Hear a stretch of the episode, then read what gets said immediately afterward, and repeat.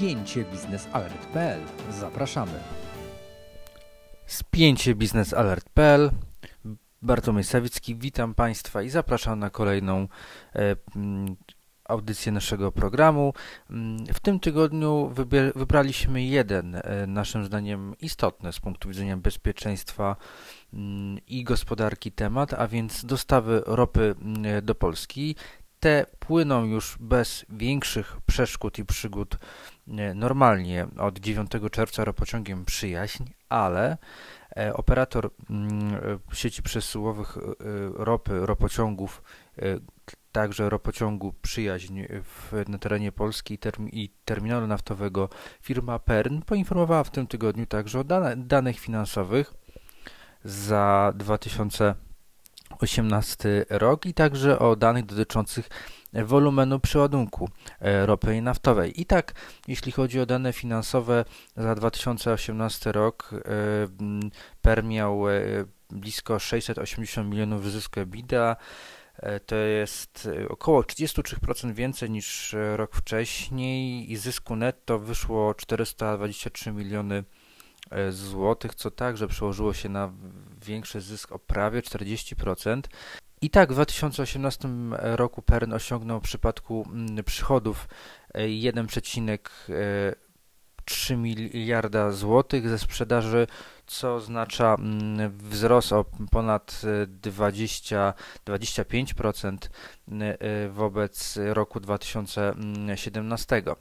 To oczywiście suche liczby, y, które dają do myślenia, ale jeszcze ciekawsze naszym zdaniem są liczby pokazujące przeładunek ropy naftowej w terminalu mm, naftowym w Gdańsku, który mieliśmy okazję zobaczyć mimo deszczowej e, pogody. I tak, jeśli chodzi o y, rok y, ubiegły. W ubiegłym roku przeładunki w naftoporcie osiągnęły największy w historii e, wolumen, blisko 15 milionów e, ton. To bardzo dużo, ale pamiętajmy, że w ubiegłym roku nie mieliśmy mm, żadnych przygód e, z dostawami ropy naftowej z jakiegokolwiek innego kierunku, czy ropociągu przyjaźń, czy, mm, czy, czy właśnie poprzez naftoport. Ale od końca kwietnia do początków czerwca e, wystąpiły problemy z dostawami rosyjskiej ropy poprzez ropociąg Przyjaźń. Słynna historia z wysoką zawartością chlorków organicznych e, w ropie, która e, była groźna dla instalacji rafineryjnych. I tak przez te 46 dni ropa do Polski z kierunku mm, rosyjskiego poprzez ropociąg Przyjaźń nie płynęła. I głównym kierunkiem zaopatrzenia był właśnie naftoport. E, udało się Pernowi, mówiąc wprost, obronić e, północną e, nitkę sieci przesyłowej między Gdańskiem a Płockiem, aby ta ropa, brudna ropa, nie dotarła właśnie na ten odcinek, bo wówczas nie można było, byłoby, wykorzystać potencjału naftoportu. Udało się to obronić. Dzięki temu do rafinerii w Gdańsku i e, w Płocku płynęła ropa czysta właśnie dzięki naftoportowi. I tak w kwietniu yy, przeładunek ropy naftowej osiągnął wolumen wielkości ponad 1 miliona, by w maju podwoić się do 2,2 miliona ton. Oczywiście było to spowodowane tym co stało się na odcinku ropociągu e, Przyjaźń już na granicy rosyjskiej, a więc zanieczyszczenie tej ropy. W czerwcu mimo że początek, początek, e, na początku czerwca udało się już przywrócić dostawy, to wciąż ten wolumen był bardzo wysoki i wynosił ponad około 2 milionów e, ton. Jak będzie w lipcu, zobaczymy. E, można spodziewać się, że e, on ten poziom także będzie utrzymany mm, na wysokim e, poziomie, dlatego że warto pamiętać, że ropociąg przyjaźń nie został jeszcze mm, te trzy nitki ropociągu przyjaźń, mm, które rozchodzą się w, do Polski, na Ukrainę i dalej też na Węgry i, i do Czech.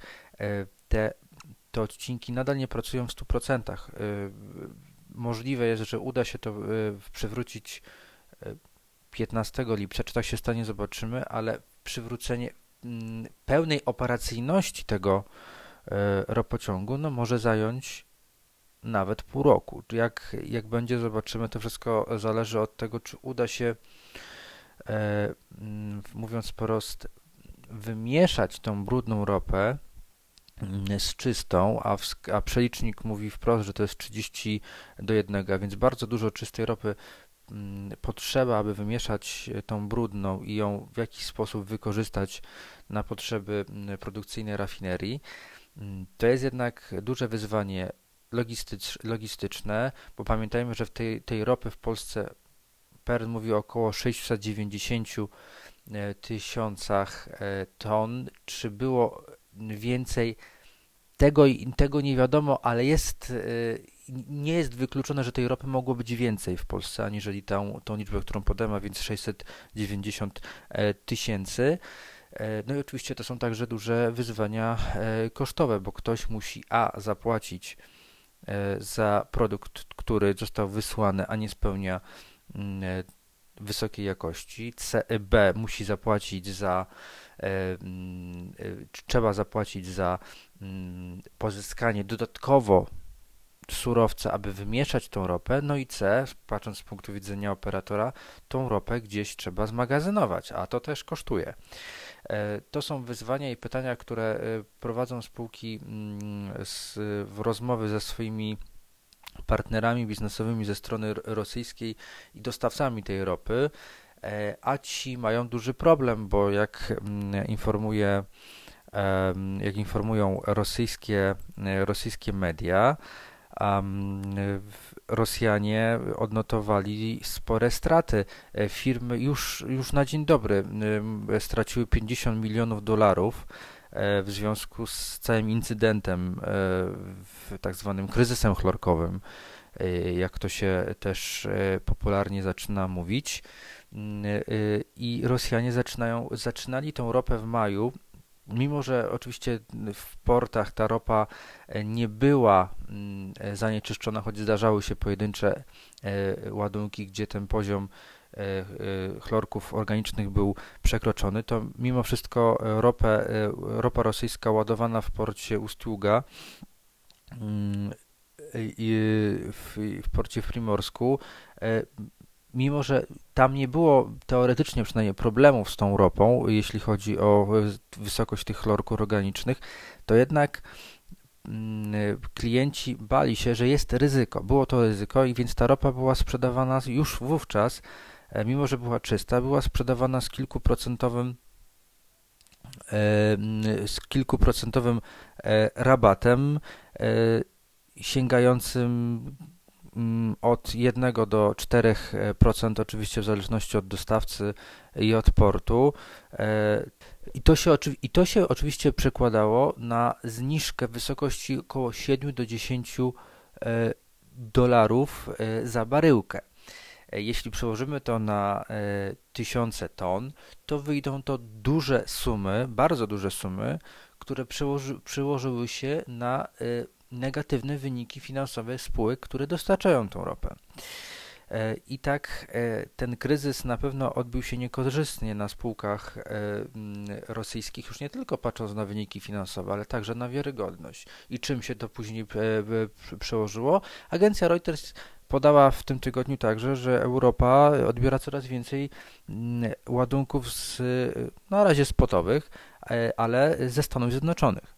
A więc klienci, mm, dotychczasowi stali klienci mm, rosyjskich dostawców w czasie kryzysu mm, z dostawami ropy rosyjskiej poszukali innych dostawców, znaleźli ich w Stanach Zjednoczonych.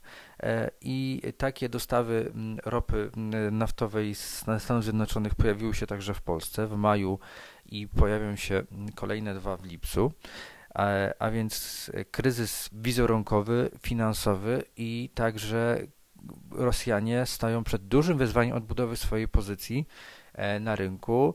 Będą znowu musieli konkurować e, ceną, a to znowu pogorszy wyniki finansowe spółek, które pamiętajmy już tak zmagają się z piętnem e, sankcji nałożonym po nielegalnej aneksji Krymu i wspieraniu separatystów w Donbasie. Więc reasumując, nadchodzi trudne, nadchodzą trudne miesiące dla rosyjskich e, Jednocześnie Polska, e, tu już na samo zakończenie chciałem Państwu podkreślić jedno. E, rosyjska, w rosyjskiej prasie zaczyna się mówić, że Polsce ten kryzys wyszedł na dobre. To oczywiście jest pewna narracja rosyjskich mediów, ale warto pamiętać, że co prawda Polska zdała kryzys, bo nie mieliśmy problemów z dostawami ropy właśnie dzięki naftoportowi. E, nie było problemów, jeśli chodzi o produkcję produktów naftowych, nie było problemów na stacjach benzynowych, co jednak nie oznacza, że to było duże wyzwanie dla spółek logistycznych, operatorów i samych rafinerii. To pociągnęło, mogło pociągnąć ze sobą dodatkowe koszty, o których oczywiście nie wiemy, bo wciąż trwają szacunki. I nie można mówić, że e, Polsce kryzys wyszedł na dobre. Faktycznie plany operatora logistycznego ropy naftowej w Polsce, y, firmy PERN, zostały pozytywnie zweryfikowane, więc rozbudowa możliwości magazynowych, budowa drugiej nitki ropociągu pomorskiego, aby tej ropy więcej można było sprowadzać z tego kierunku północnego, rozbudowa możliwości magazynowych ropy i paliw w Polsce i oczywiście w, y, w bazie w Gdańsku czy, czy na terminalu naftowym to zostało pozytywnie zweryfikowane, że należy y, w to inwestować. Ale to było bardzo duże wyzwanie i można powiedzieć kryzys także y, i ten kryzys odbił się także w Polsce poprzez możliwe, o których jeszcze nie wiemy, straty i bardzo duże e, prace e, logistyczne, e, tak aby po pierwsze tej ropy ta ropa nie trafiła do rafinerii, po drugie by nie trafiła do północnej e, części systemu przesyłowego e, Płock, e, Płock-Gdańsk. To było bardzo duże wyzwanie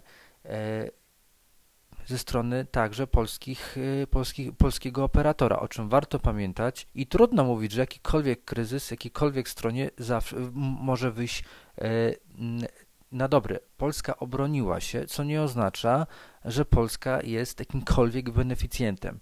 Z racji kryzysu nikt nigdy nie może być beneficjentem takich sytuacji, aczkolwiek faktycznie, jeśli można doszukiwać jakiegokolwiek e, plusu tej sytuacji, to właśnie to, co mówiłem. Pozytywna weryfikacja planów PERN co do rozbudowy bazy paliw, ropy, terminalu naftowego, możliwości przeładunkowych i wreszcie budowa drugiej nitki ropociągu pomorskiego, który ma być gotowy w 2023 roku i zwiększy możliwości e, dostaw ropy naftowej do rafinerii w Płocku poprzez naftoport.